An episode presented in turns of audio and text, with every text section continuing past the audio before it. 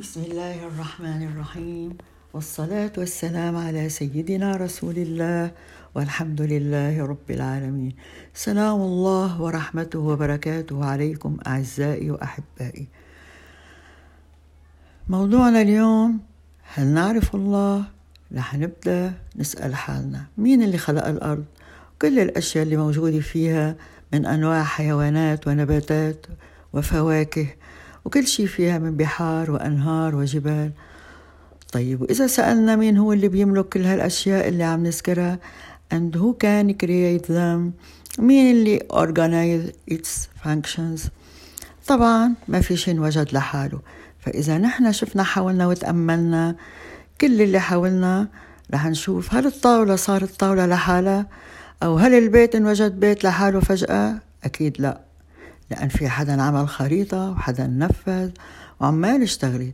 فكيف إذا كان سؤالنا مين خلق الأرض ونظمها and laid down the mountains and the flowing rivers فشي طبيعي جوابنا رح يكون هو الله وحده. وهالجواب معروف عند الكل even if they overlooked it. واللي نحن لاحظناه إنه ما في حدا dares to say I'm the creator.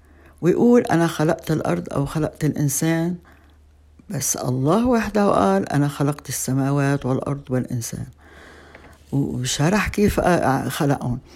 طيب وإذا رفعنا رأسنا إلى السماء وشفنا فيها النجوم والقمر والشمس والبلانيتس كيف هي فوقنا بدون شيء يسندها ويهديها؟ مين اللي رفعها فوقنا؟ مين خلق فيها الأشياء العظيمة؟ فوقهم كلهم سقف عظيم هو العرش. عرش مين؟ عرش الرحمن تعالى. فإذا الله رفعها وسواها وهو ربها يعني اللي بيملكها يعني هو الأونر للكل. ما ننسى ما منسمي رب العالمين إلا الله. ولما منقول رب السماوات السبع ورب الأرض يعني الله خلق بكل ما فيها من آيات وأشياء عظيمة. بتقول وتعلن هو الله واحد. هو الله هو الخالق الواحد. إذا الله بيده ملكوت كل شيء. يعني هو اللي بإيده التصرف يعني تو أكت بكل الأشياء اللي منشوفها واللي ما منشوفها حتى. And he protect all them. So how dare someone to worship someone else with Allah? كل هالأسئلة بتمنى نكون فهمناها وعرفنا أجوبتها.